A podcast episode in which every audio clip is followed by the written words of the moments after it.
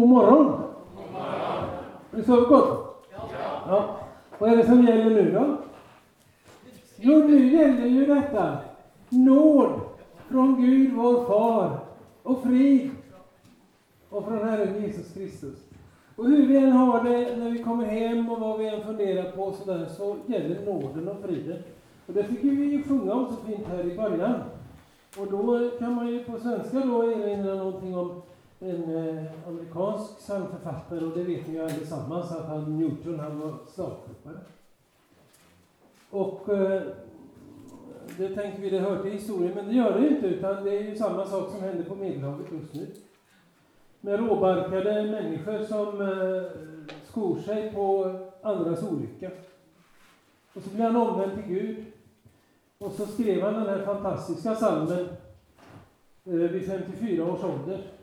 Han levde till han blev 82, jag tror han dog 1807. Han har skrivit en psalm till i psalmboken. Är det någon som vet vilken, var det är för psalm? Ja, vilken är det? John Newton. Den pingstpsalm som vi fick in 86. Nummer 52. Herre se, vi väntar alla. Ja, bara som en parentes. Nåden och friden gäller, för det är ett faktum hos Gud att han ser på oss med välbehag. Och då, vad är det då, om vi tänker rent praktiskt, kanske inte så teoretiskt möjligt, men ändå. Om det skulle ramla ner en meteor över oss när vi sitter här nu på förmiddagen och vi förgås allihop.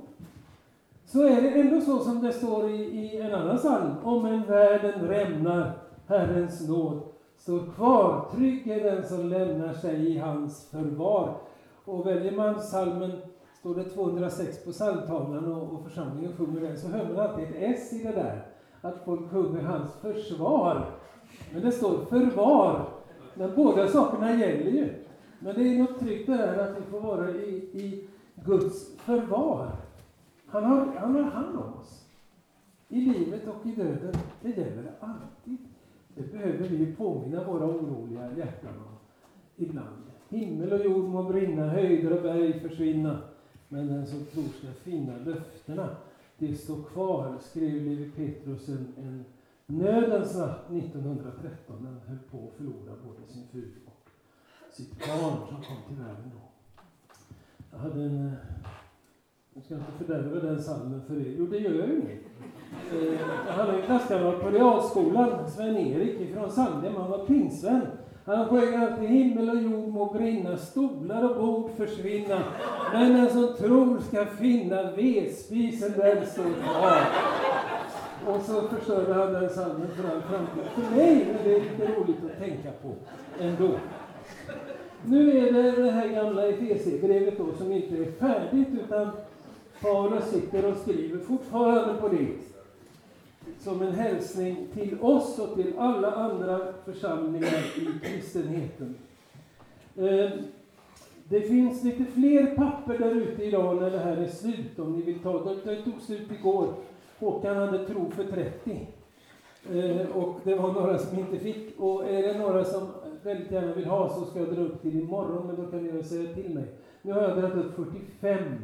Och där finns då, det är mitt lilla usla manus som ni får faktiskt eh, upptryckt.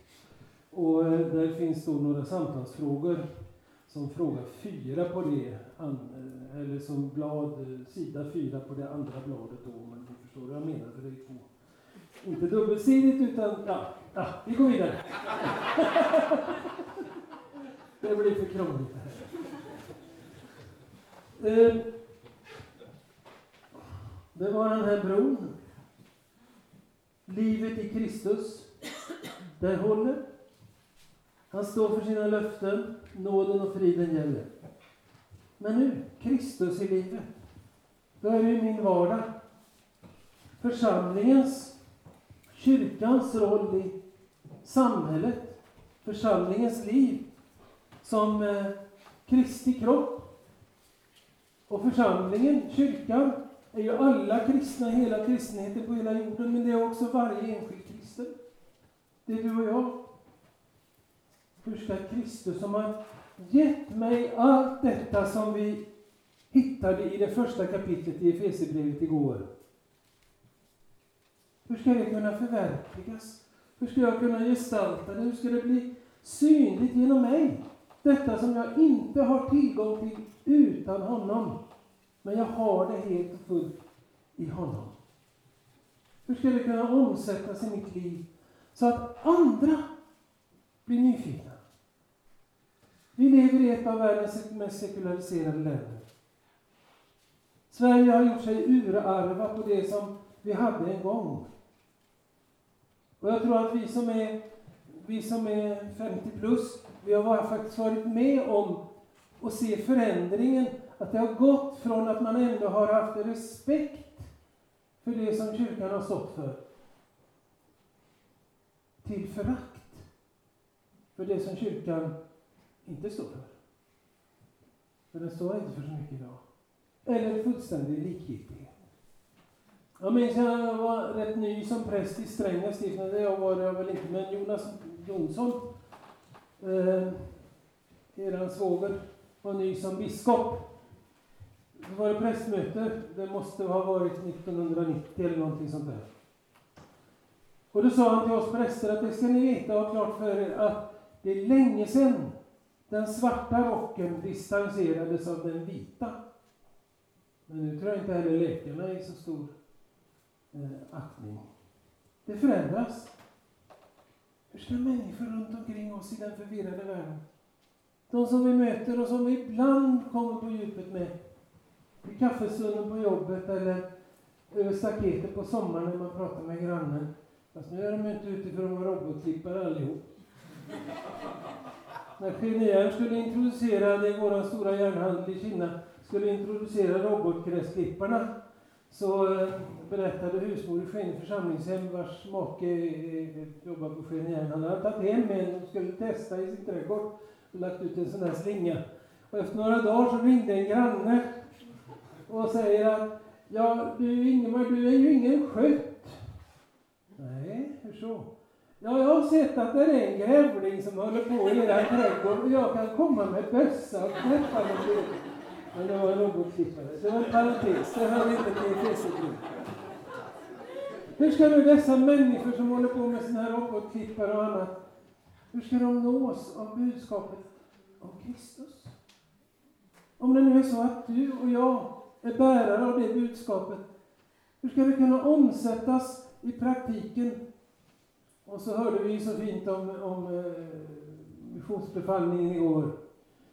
Och, och, jag har ju alltid tänkt, precis som Hans, att de hade ju Jesus framför sig. De kunde väl inte tvivla. Det var, de kunde ju sträcka ut handen och, och nått honom. De såg ju honom med sina ögon. Precis som när vi hade kungen på besök i Kina församlingshem en gång. Så, så var det en tant som sa när han hade åkt att var detta på riktigt? Det, hon satt längst fram, det var födelsedagskalas för de gamla och hon hade fyllt 85 år, Asta. Du, du satt ju precis här, han stod ju precis framför Ja, så jag kunde nå upp den i benen. Så jag är mycket tacksam att du motstod den frestelsen. Och det kunde ju lärjungarna ha gjort. Så det kan ju inte ha varit Jesus de tvivlade på, att han var uppstånden och levande. Det måste ju varit på sin egen förmåga. Vad händer nu? Det står att de tvivlar innan de har hört befallningen. Så de visste väl inte riktigt, men han hade ju nämnt någonting om det innan. Han hade ju lämnat över någonting. Hur ska det gå? Ska det stanna med detta? Och ni vet den där påhittade när Jesus kommer tillbaka och änglarna kikar och, och, och de ser de här elva gå ner för berget och så, och så, så säger de när Jesus kommer att, att eh, om de misslyckas, vad har du då för plan? Nej, jag har ingen annan plan. Och här sitter vi nu, 2000 år efteråt och vet att, att Gud var med. De misslyckades, men inte Gud. Och så är det också med ditt och mitt liv och vår kallelse att ha Kristus i våra liv. Fastän vi känner ibland att vi kanske inte attraherar, vi som är kristna, utan tvärtom repellerar. Tillvaron är ju inte så enkel. Om jag skulle fråga, men ni behöver inte räcka upp hand för det är rätt onödigt eftersom de flesta skulle göra det om ni vore ärliga. Hur många av er känner ibland att det är lite krångligt att få ihop alla bitarna i livspusslet? Det är ju det här med, med jobb och hem och alla måsten och logistiken och, och det är lite olika det där vilken tid man befinner sig i. Men jag kan tala om att även när man är pensionär så går dagarna rätt så fort och fylls av ganska mycket. Lite annorlunda, lite lugnare, men ändå. Och var finns Kristus i världens nutida problem? Vi hör om terrorattacker. Vi höjer inte på ögonbrynen längre ens. Men det är ju fasansfullt. Vi har mött flyktingströmmarna. Det har minskat. Ja, vad skönt. Men det beror ju inte på att de har ju inte minskat, utan Sverige har ju strypt till. De är någon annanstans. Vi var i Grekland i våras, i Thessalonika, och då visste vi att bara fem mil från oss, så stod de och trängdes där eh, vid gränsen. Vi var inte där, men vi visste ju, det var så nära på något vis. Var finns Kristus i detta? I militärkupperna och i polisskjutningarnas värld. Det är bara ondskan vi ser hela tiden. I Andra Korintierbrevet talar Paulus om det här Kristusdoften. Han skriver 2, 14, 17. Vi tackar Gud som ständigt för oss fram i Kristi segertåg och sprider sin kunskapsdoft genom oss överallt. Vi är en Kristi väldoft inför Gud bland dem som blir frälsta och bland dem som går förlorade. För några en doft av död till död, för andra en doft av liv till liv. Vem räcker till för det här? Och då kanske en och annan har ett svar på den retoriska frågan. Inte jag i alla fall. Men jo då. För doften kommer från honom. Den uppståndne. Det finns väl inget som luktar så gott som tvätt, lakan som är rena och hängt ute. Eller ett nybadat småbarn. Eller en, ett fång med liljekonvalj i maj. Visst är ordet doft någonting positivt. Vi hade visserligen när vi flyttade in i prästgården i Tjörnarp 1976 så stod det på våran gästtoalett Boaormarna med möda långsamt smälter all sin föda. Därför, mycket, därför ses en boa mycket sällan slinka in på toa. Pyton kan här ändå dofta om man inte vädrar ofta. Men för mig är ändå ordet doft någonting positivt. Lukt kan vara morgon men inte då. Men Paulus förtydligar ändå. Han kommer igen och talar om en väldoft för oss som är i Kristi segertåg. Och för de som inte vill vara det, med i det tåget så blir det en doft av död till död. Men för andra en doft av liv.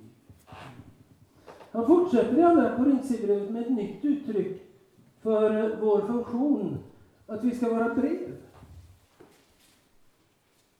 Och vår tid liknar ju kanske mer än någon annan mellanliggande tid den som aposteln själv var i. Det var en förkristen tid. Vi lever i en efterkristen tid. Men vi omges av myllrande människomassor som eh, ideologiskt är väldigt eh, förvirrade eller Allting kan vara möjligt och man kan tycka och tro vad man vill. Och var och en blir salig på sin tro och så. Alla vägar bär till Rom. Alla vägar bär någon annanstans. Finns det någon Gud så kommer man väl rätt till sist. Eller? Det är väl rätt det du tycker och så får jag tycka mitt. Ja, ni vet alltihop det här. Och de har ingen kunskap. Och så skriver aposteln där. Eh, ni är vårt brev, skrivet i våra hjärtan, känt och läst av alla människor. Det är uppenbart att ni är ett Kristusbrev, skrivet genom vår tjänst, inte med bläck, utan med den levande Gudens ande. Inte på tavlor av sten, utan på tavlor av kött i era hjärtan. Det är väl ganska fint det här att vi är kallade att vara en Kristusdoft och ett Kristusbrev. En doft som människor kan dra in och känna, åh, vad fräscht. Luktar Kristi kyrka så? Luktar församlingen så? Eller är det mest svettdoft kring församlingen? Jag menar nu inte den här. Utan jag tänker på all aktivitet som vi har och som tröttar. För det finns en doft av fräschhet, vila, renhet kring de kristna. Vi får vara ett brev om förlåtelse, försoning. Ett brev, det är alltid spännande med ett brev. Ja, det kommer inte så många brev längre. Vi får mest mejl och sms och sånt. Men i tisdags innan vi åkte hit, när det var i onsdags, så fick vi ett handskrivet brev. Så vackert. Av en 95-åring. Jag får komma tillbaka till henne, några av er känner henne. Så vackert. Så härligt att få det. Med ett gott budskap. Ett ord från Herren och ett tack och lite mera. Och det är spännande. Sådana brev får vi ha. Inte något massutskick från ett företag. Utan personliga brev. Till människor vi möter. Det är så Paulus tänker. Det var inte så lätt att skriva brev på den tiden. Han skrev ändå rätt så många, vi har bevarat 13 stycken. Det fanns säkert många fler. Vad skrev man på? Pergament, papyrus. Det fanns inget postverk. Han skickar Tychicus över havet med de här breven. Kom de fram? Ja, det gjorde han. Men det var möda, det var tid.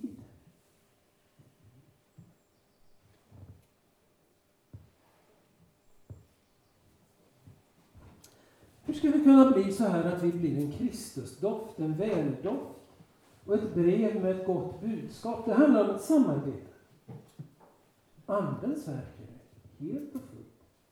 Men vår vilja behövs alltid. Och då skriver aposteln i Filipperbrevet, jag är snart framme vid Efesierbrevet, 2.13. Jag läser från 12 för en mening här i den här översättningen. Därför mina älskade, ni som alltid varit lydiga, inte bara när jag var hos er, utan ännu mer när jag inte är hos er. Och vi skulle kunna översätta det och säga, därför mina älskade, ni som är lydiga människor, inte bara när ni är på familjeläger, utan också när ni är hemma och inte träffar varandra. Så kommer det ett kolon. Det är intressant det här med, med skiljetecknen i, i eh, Bibeln. Det finns också i missionsbefallningen, kanske det viktigaste skiljetecknet. Gå för den skull ut och gör alla folk till lärjungar. Och så kommer det ett kolon. Målet är att människor ska bli lärjungar, följa Kristus, bli kristna, bli frälsta. Och så kommer medlet. Döp dem och lär dem nu är det ett sånt där kolon igen här. Jag har inte kollat nu i grundtexten om det finns ett kolon där, det gör det väl inte, men det är på, uttryck på annat sätt. Men det är samma sak. Arbeta med fruktan och bävan på er frälsning. Det betyder ju att det här med frälsningen, med det eviga livet, skulle vara det vi oroar oss för. Det vi bekymrar oss för lite mer än över det här jordiska, som vi ändå måste lämna ganska snart. För det är Gud som verkar i er. Både vilja och gärning för att hans goda vilja ska ske. Gör allt utan att klaga och tveka. Så att ni blir fläckfria och rena, Guds oskyldiga barn mitt i ett falskt och fördärvat släkte, där ni lyser som stjärnor i världen när ni håller fast vid livets ord. Inte vid livets ord nödvändigt, men vid livets ord. Då blir ni en ära. Se där är en ny bild. Vi lever i ett, eh, i ett falskt och fördärvat släkte. Och vi är kallade att lysa som stjärnor. Och jag är ingen astronom, men stjärnorna är väl inte självlysande, utan de är reflekterande. Det vi ser en stjärnklar kväll, kanske det blir det ikväll. Och stjärnljus är ju att de återspeglar ljuset från en större stjärna, än solen. Så får vi återspegla ljuset från världens ljus, Kristus. Och det behöver vi inte anstränga oss för. Men vi får varje dag på nytt därför att vi tillhör också det onda, det falska och fördärvade släktet. Vi får varje dag på nytt lägga vår vilja i Guds händer. Be att han vänder vår vilja så den blir hans. Och så var jag i förra veckan, eller två veckor sedan är det snart, på hemma hos Solveig och jag får berätta det här. Eh, hon är 95 år och är prästänka. Hon bor i Kina.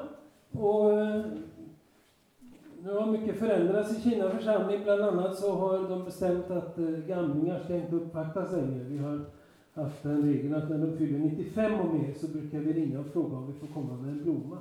Och så går man dit och så sjunger man en psalm och så pratar man lite grann och så. Men det är borta nu. Och eh, det vet jag ju om, så jag har fortsatt att hålla det där för de som eh, har blivit gamla. Vi hade en 99-åring nyss. Och, och, och, så Solveig då skulle fylla 95 den 11 juli. Och då hade vi ett barnbarn som fyllde 10 den 11 juli och han skulle fira nere i Skåne hos, ihop med släkten där. Så vi skulle åka ner till Skåne och det gjorde vi också. Så jag ringde Solveig på lördag förmiddagen den 9 och säger att det är ju en högtidsdag på måndag. Men vi är, vi är inte hemma då. Nej, jag har ju en egen högtidsdag att tänka på, sa hon. Hon visste att David skulle fylla 10. Det är bra gjort av en 95-åring som inte är befryndad med oss så. Så får jag komma i eftermiddag med en eh, blomma. Så gjorde jag det. Så sitter vi och pratar och så pratar vi om det här, att jag skulle vara här den här veckan och lägga ut Efesierbrevet.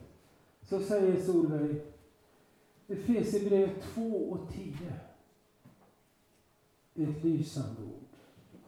Det har varit mig till så stor hjälp.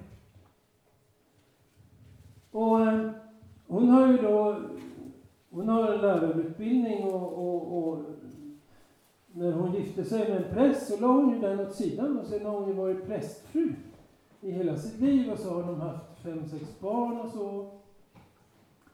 Och så blev hennes man kommunister i Sibbarp i Halland. Och så berättar Solveig, jag tror hon har sagt det förut, det här finns ju några som har kopplingar dit, så därför kan jag säga det. Att eh, när de hade flyttat till Sibbarp, de hade väl fem barn då, eller kanske fyra, jag vet inte. Sex. Martin Nilsson. Eller hur är det? Martin Nilsson. ja. Och han var sex år då. Och eh, där sitter Hans. Och eh, så skulle det vara synmöte i det ganska nybyggda församlingshemmet tror jag. Det var ganska nytt. Och Solveig gick dit. Och så säger en av de äldsta i syföreningen. Här var begravning igår. Ja, det visste hon då. Det hade varit en stor begravning. Fru Ivarsson var inte där. Nej, sa hon, det var ju på eftermiddagen och då kommer barnen hem från skolan och Martin har inte börjat skolan än så jag hade ju ingenstans att göra av honom. Och så säger den här damen, fru Nilsson var med på alla begravningar. Det var den förre prästen. Så blev det alldeles tyst och man hörde bara hur synålarna raspade i tiden. Kanske inte ens det. Och så kände Solveig, som inte var så gammal, att måste nog säga någonting för att avsluta det här. Och så sa hon, fast hon kände sig inte särskilt lyckad efteråt, att nu är det så att, att Åke, min man, har efterträtt kommunister Nilsson. Men jag har inte efterträtt fru Nilsson. Och sen fick hon vara i fred. Men hon, vad, vad hade detta med Efesierbrevet 2.10 Jo, jag har ofta känt mig väldigt liten och misslyckad i den rollen som har varit min. Och då har Efesierbrevet 2.10 varit till så stor hjälp för mig. Hans verk är vi, skapade i Kristus Jesus till goda gärningar som Gud har förberett för att vi ska vandra i dem. Och så sa hon att vi, när Bo Giertz började komma ut med sina kommentarer, så köpte vi dem och läste. Och när, när Efesierbrevet kom, de här fem breven av Paulus, så kastade jag mig över det för att se vad han skrev om detta. För jag tycker det är en av de mest lysande verserna i Bibeln, som hade betytt så mycket för mig. Men han, det, ja, det var bara sådär lite prosaiskt torrt, sa hon. när jag skrev upp det. Liksom en gång hela världen skapades i Kristus så har det nu skett en ny skapelse i Kristus. Även det goda som vi nu kan göra i hans värld. Han har i förväg berett goda gärningar åt oss. Det ligger och väntar längs vår framtidsväg. Också de är en gåva som vi får av nåd. Och det var en besvikelse för Solveig, men det är ganska bra uttryck.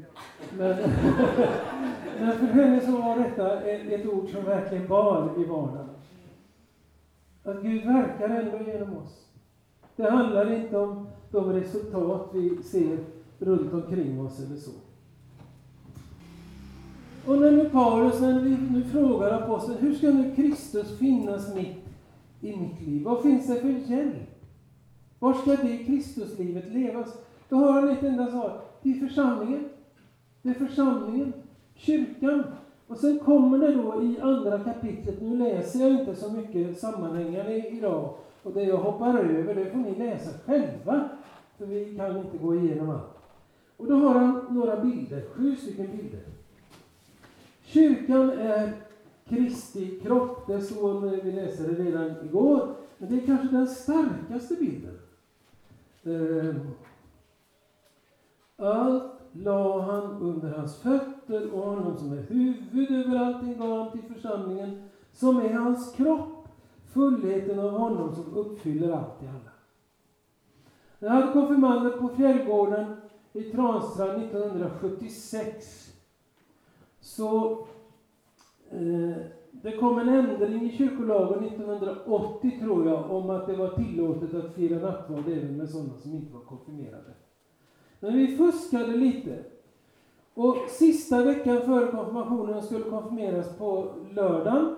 Det var en ganska stor och lite livlig grupp och det hade väl inte hänt så där enormt mycket i den som det hade gjort sommaren innan och sommaren dessförinnan. Det var min erfarenhet då.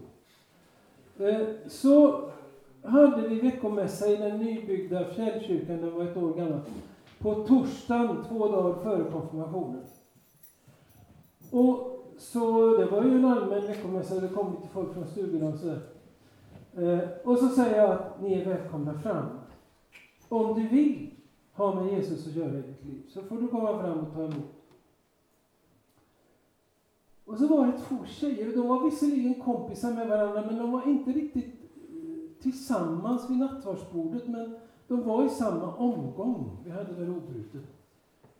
Och jag tyckte de bar sig så konstigt åt. Och jag blev lite irriterad på dem över att de inte kunde uppföra sig. Och så när mässan var slut så störtade alla konfirmanderna ut och så skulle vi ha kvällsfika så de sprang över vägen och så in i fjällgården. Och en del av er har varit där så ni vet hur det ser ut.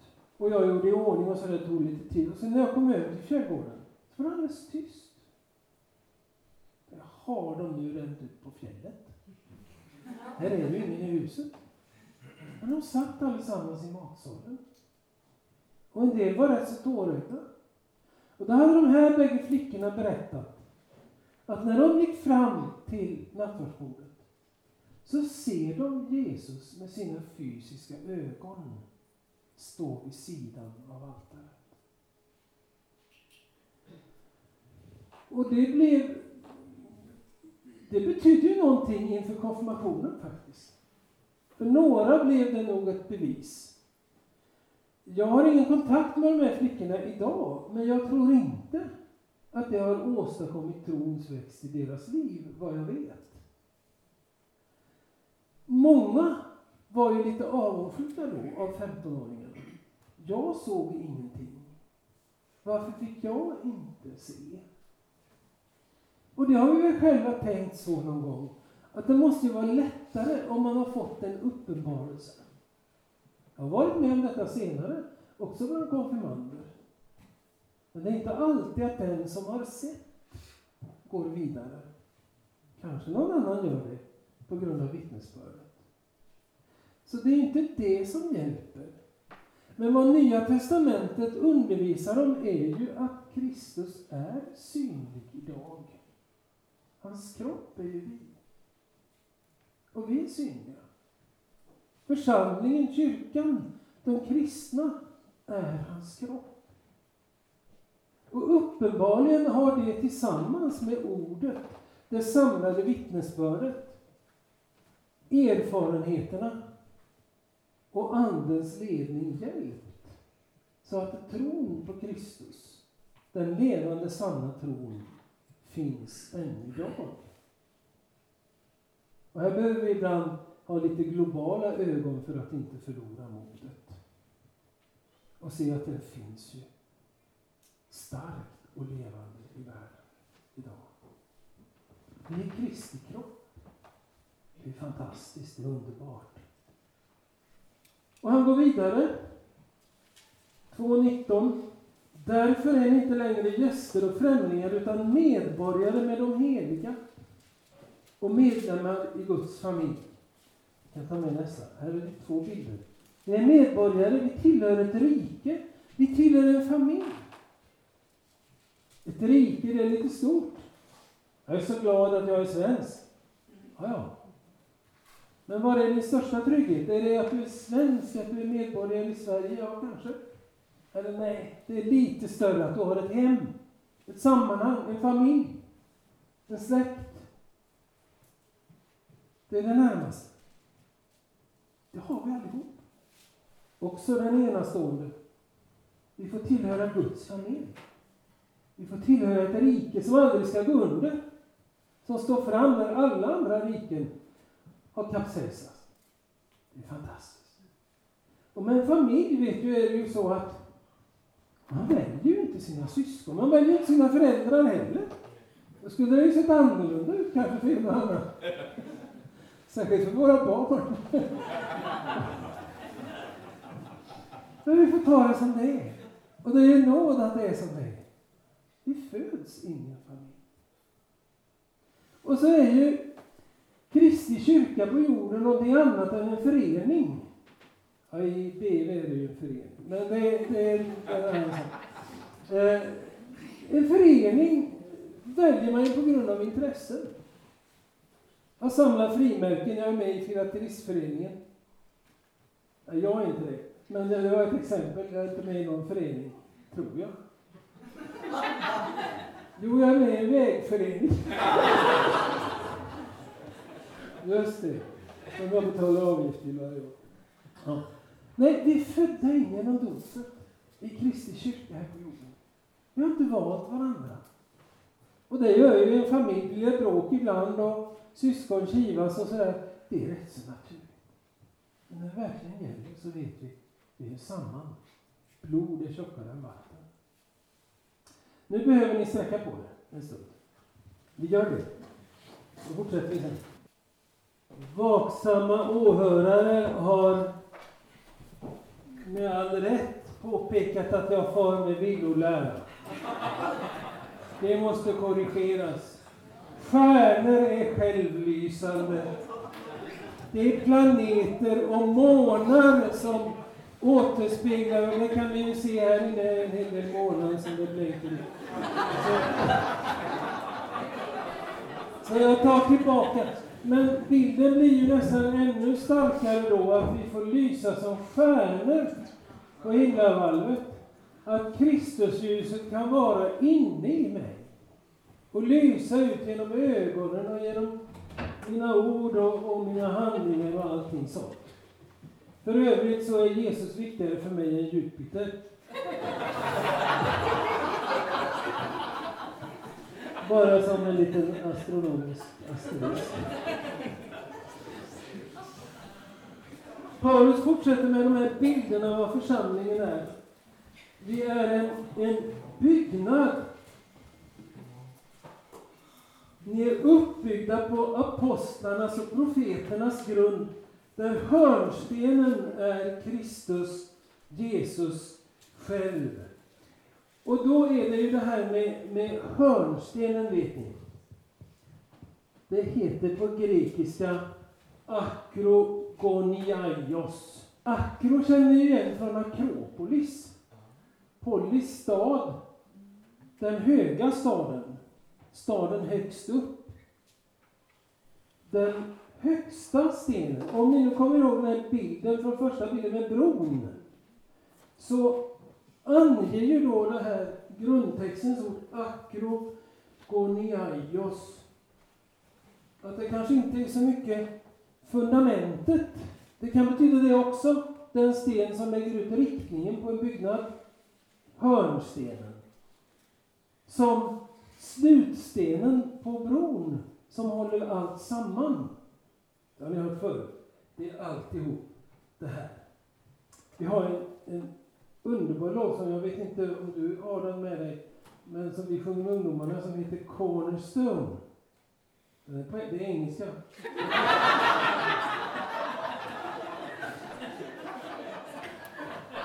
Den handlar om Jesus. Den är bra. Den handlar eh, om Jesus och det om det här. Och sen tar ju Jesus upp det här, han, han säger eh, men då blir det ett annat ord, när han talar om i evangeliet, att, och vi var inne på det i, från Apostlagärningarnas början i Petrus försvarstal, den sten som byggningsmännen förkastade, där han citerar Psaltaren och så. Och Jesus är inne på det också, att han kan bli en stötesten.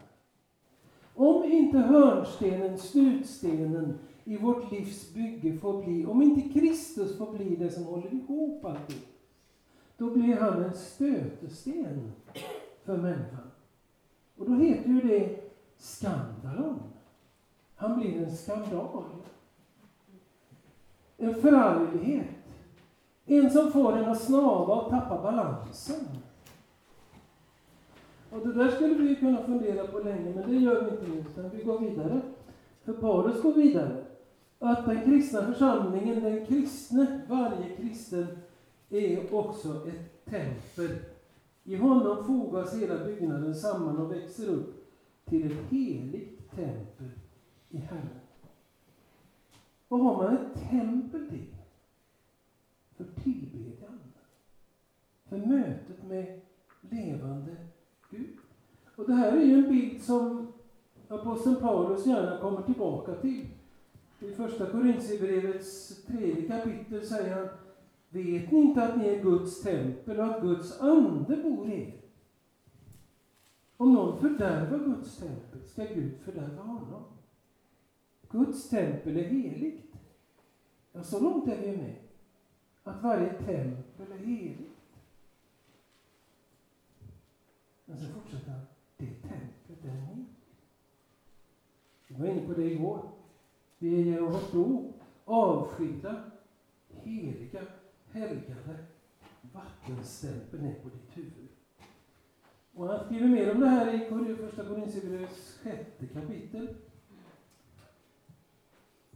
Vet ni inte att er kropp är ett tempel för den heliga Ande som bor i er och som ni har fått av Gud?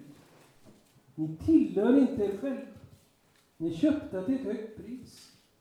Ära då Gud med er kropp. Och vi anar av sammanhanget att där skriver han till kristna människor som kanske inte har lyckats att leva så rent och så heligt som de borde. Men han skriver inte ni skulle ju ha varit ett tempel åt den heliga Ande. Utan även till fallna kristna, till syndare. Finns det någon syndare här inne? Du behöver inte räcka upp handen nu heller. Det var bara en som gjorde det. Det betyder att här finns en syndare och så finns det en massa hycklare. Nej, men det stora är att Paulus säger, talar i presens. Det som gäller är att ni är ett tempel för den heliga Ande. Din kropp är det. Ni köpta. Ära Gud med er kropp. Precis som när Jesus sitter med syndarna, synderskan och säger Dina synder är dig förlåtna. Gå i frid och synda inte mer. Som om Jesus inte skulle veta att den som går ifrån honom är fortfarande en svag människa som kanske faller, som säkert faller. Och ändå har han den här dåraktiga tron på varje syndare, på dig, på mig till och med. Gå i frid och synda inte mer. Vi börjar om på nytt. Han sitter på tronen och säger, se, jag gör allting nytt. Det gäller i varje nu för en kristen. För vi är ett tempel för den heliga Ande. Är ni med? En boning. Ett tempel är ju ändå lite, lite främmande, lite stort, lite heligt. Men en boning, det är ju hemma. Det är min lilla vrå i världen, där jag är trygg. Så får det också vara med Kristi församling.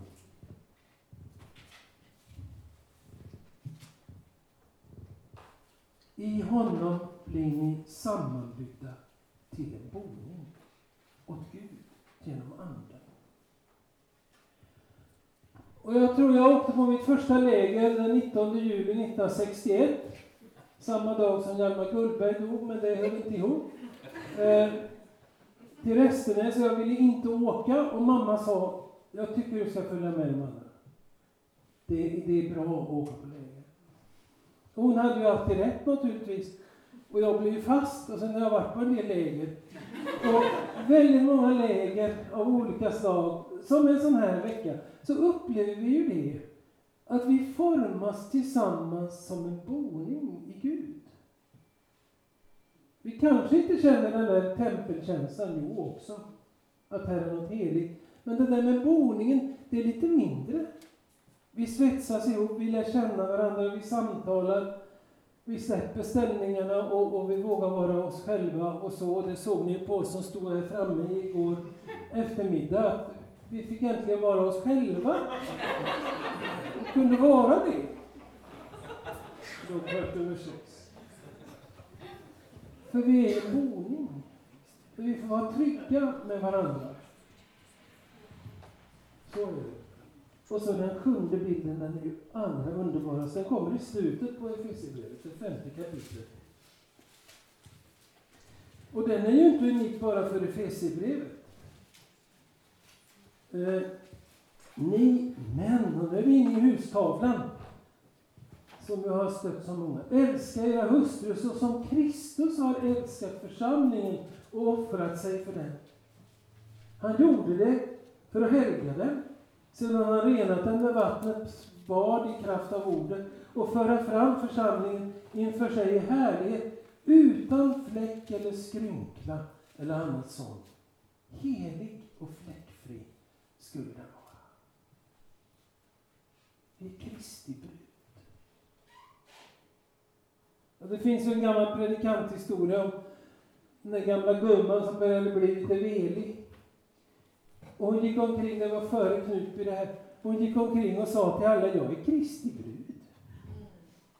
Så var det någon släkting eller granne eller vad det var som blev lite irriterad och så sa, sa han till henne att det kan du väl begripa att du som är så gammal och, och skröplig att han, att han inte, han, du kan inte vara Kristi brud. Då tittade hon upp förvånat och så sa hon, jag kan inte hjälpa att det var han som började. Och det är alltså han har börjat med dig och mig.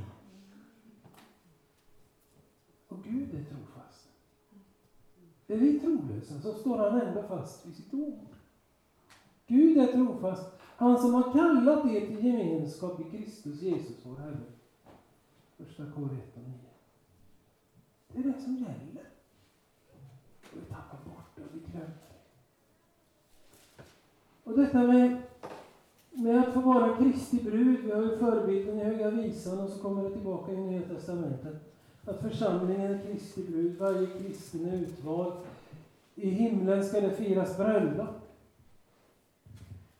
Det har ju med kärlek att göra. Med längtan. Med åt. Med den ljuvaste förening. Med trygghet. Med någonting underbart. Med framtid. Härligt, härligt, härligt. Det är församlingen. Det är du och jag. Nu ska vi läsa lite vidare. Eh, och då handlar det om enheten i Kristi kropp. För är vi nu Kristi kropp, det är så viktigt med kroppsvård. Man kanske skulle våga komma på morgonen klockan sju. Det Eller klockan två. Eller klockan två. Ja, men då har vi precis ätit. Och det går inte. Ja. Ja. Det är vi ju noga med.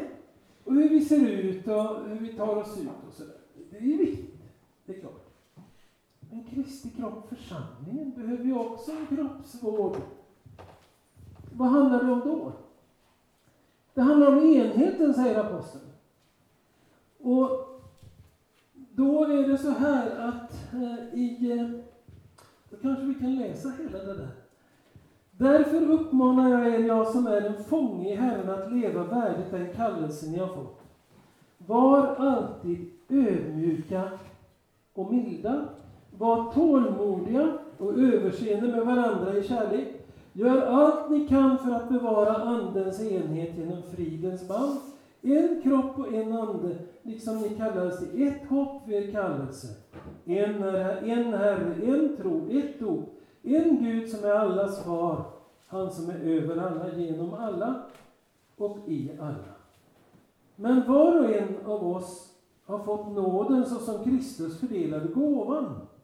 Därför heter det, han steg upp i höjden, han tog fångar och gav människorna gåvor. Det att han steg upp, vad innebär det om han inte också steg ner till jorden? Han som steg ner är också den som steg upp över alla himlar för att uppfylla allt.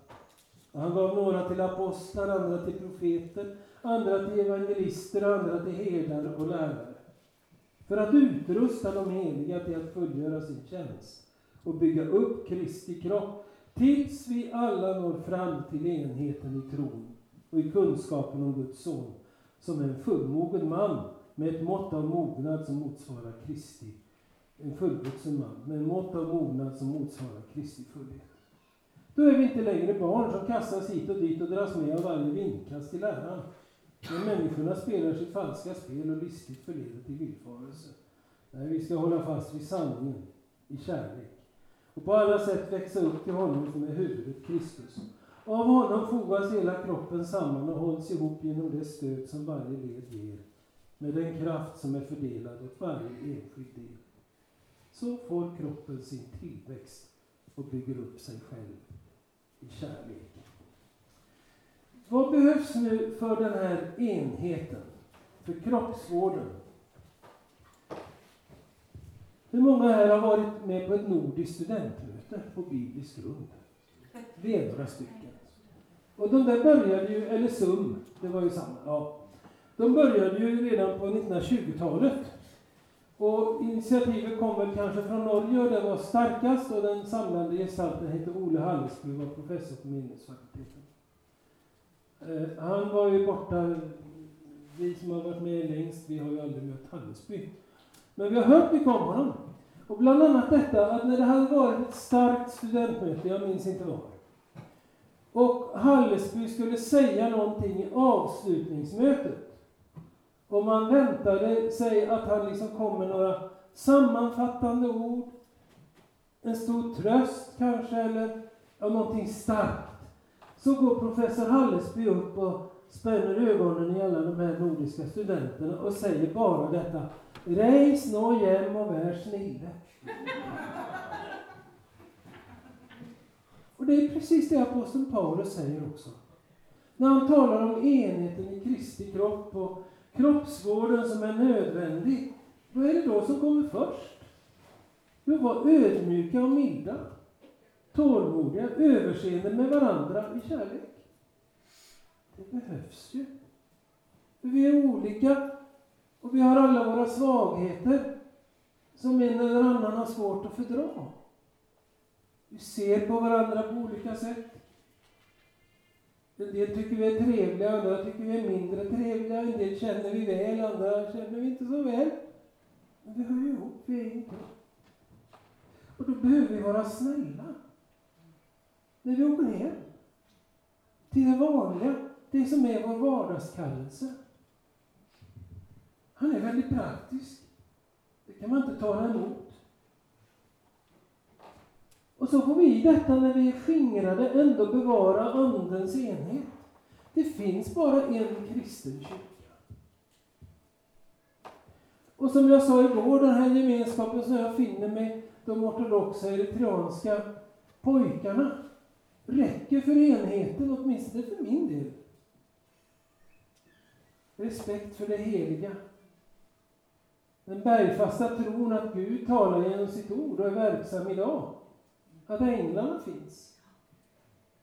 Att Anden är här. Och en kärlek till Jesus. Och honom som frälsare. Och för att blanda in Luther i det ortodoxa, saliggörare. Ja. Den enheten får vi bevara. Och har vi inte den enheten, då är man ju egentligen utanför kyrkan. Den som inte har detta. Och det är det som utgör själva grunden. Och så hör ju alla de här sakerna ihop då. Att detta får vi ha under det att vi vet att Kristus har makten. Det är inte Putin och det blir inte Trump och det, det kanske blir på något vis en Trump. Men, eh, men inte som har makten. Det är bara tidsmässigt och som det ser ut. Utan Kristus har makten. Han har stigit upp i höjden. Han är suverän. Han sitter på tronen. Han ska uppfylla allt. Och så har han en ordning för hur det ska vara här på jorden.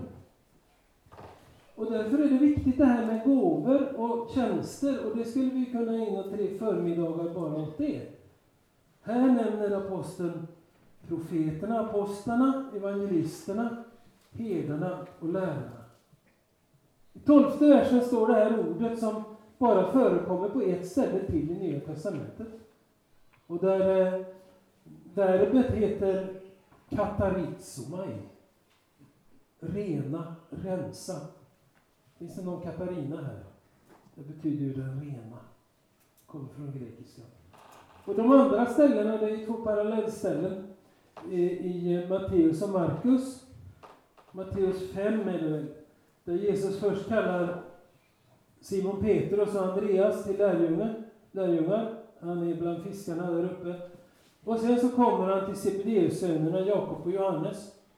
Och då står det att de sitter i sin båt och rensar sina nät. Och där har vi det ordet. Katarizomai. Och här kommer det tillbaka.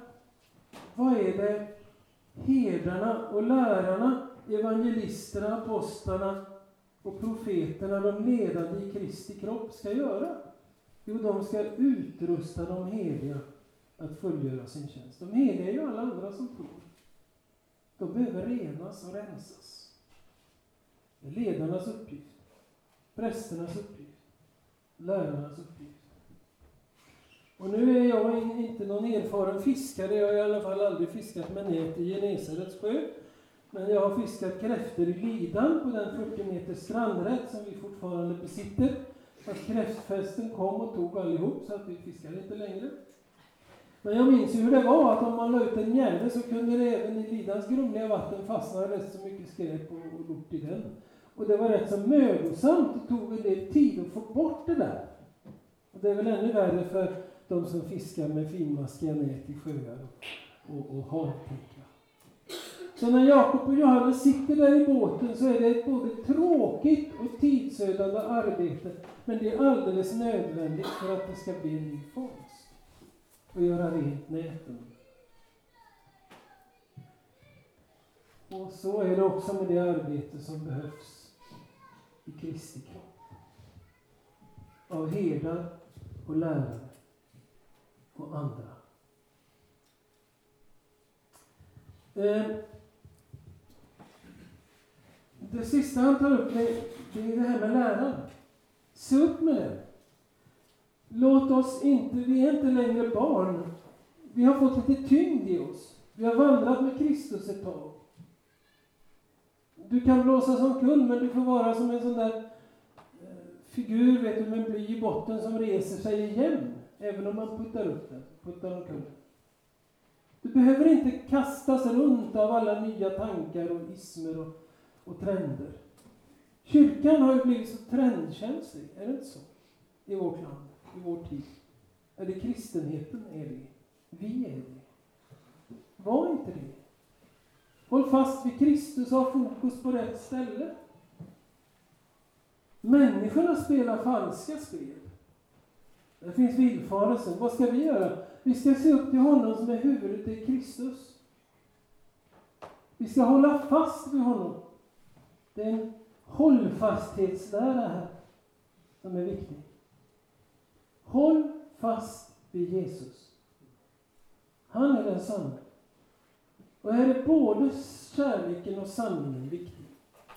Om man kan hålla fast vid Jesus bara med kärlek, då blir, då blir det flummigt.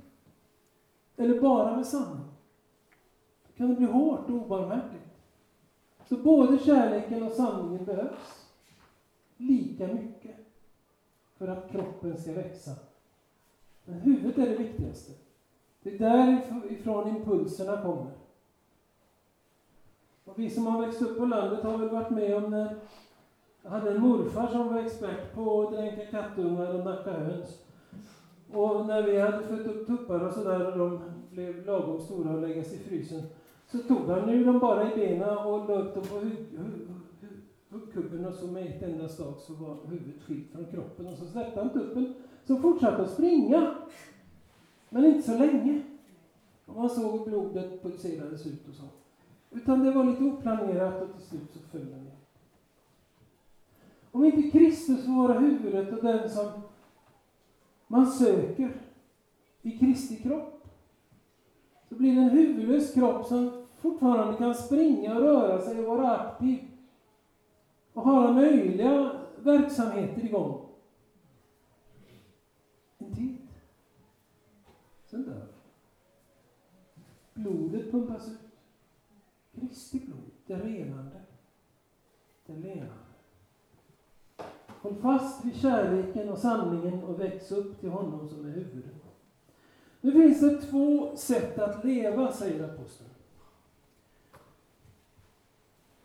På de två sista minuterna. Det ena sättet det är att vara utan Kristus i livet. Och här är han väldigt tydlig, vi tycker kanske hård. Lev inte längre som hedningarna lever. Deras tankar är tomma, deras förstånd är förmörkat. De är främmande för livet i Gud, därför att de är okunniga och förhärdade i sina hjärtan. Ja, ja, det är klart det är så. Men vi kan ju se på de som inte är kristna. Vi kan ju ha grannar och vänner och släktingar och tycka att de lever ju ett bra liv. Och det här är en gammal fråga. Varför går det hedningarna så väl? 73 salmen i Psaltaren så står det så här.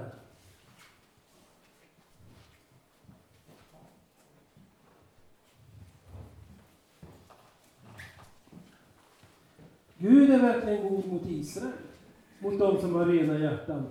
Men jag var nära att snava med mina fötter, mina steg var nära att slinta. För jag greps av avund mot de högmodiga när jag såg de gudlösas framgång.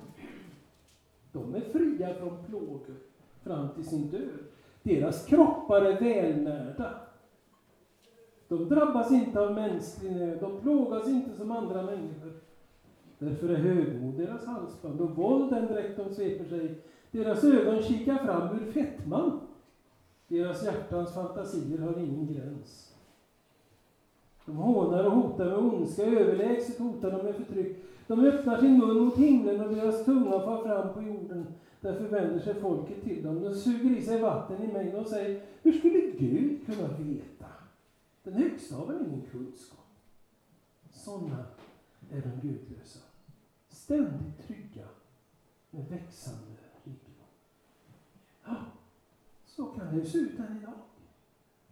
Men vi har något mer. Och det är som Gud i sin godhet, och han vet ju allt. Och han vet vilka han kan rädda och vilka som kommer att stå emot. Det är som han i sin godhet ger allt gott han kan åt dem som han inte kan ge det eviga livet. Men det kan vi ju inte veta. Det kan vi ju inte veta något om. Men det kanske kan vara en tröst eller en tanke. Det andra sättet att leva är ju detta med, med Kristus i livet. Det är inte så ni har lärt känna Kristus. Ni har hört om honom och fått undervisning i honom enligt den sanning som finns hos Jesus. Därför ska ni lämna ert gamla liv och lägga bort den gamla människan som går under bedragen av sina begär. Låt er förnyas till ande och sinne och klä er i den nya människan som är skapad till likhet med Gud, i sann rättfärdighet och helighet. Vad får vi av Kristus som vi får använda? Förnyelse, rättfärdighetens klädnad. Vi är rena inför Gud. Gudslighet till och med. Sann rättfärdighet och helighet. Och därför kan vi räta på ryggen när vi går till kaffet nu. För vi har detta, vänner. Vi har fått det på nytt. Ordet räcker, det över, räcker över det på nytt till oss. Och så hann jag inte färdigt och kom inte in på hustavlan, men vi har ju en förmiddag imorgon också. Det finns två blad eh, där ute att ta för dem som vill. Men vi kan väl bara bli stilla. Herre, vi tackar dig för allt gott som du ger oss. Som vi får känna och äga. Vi tackar dig för sommarsolen och vi tackar dig för nåden och friden som vi får ha. För rättfärdighetens vita dräkt som du ser oss genom. Tackar dig för bordets gåvor, för gemenskapen, för Kristi kropp. Hjälp oss att mer och mer förverkliga vår kallelse att vara världens ljus, jordens salt. I Jesu namn. Amen.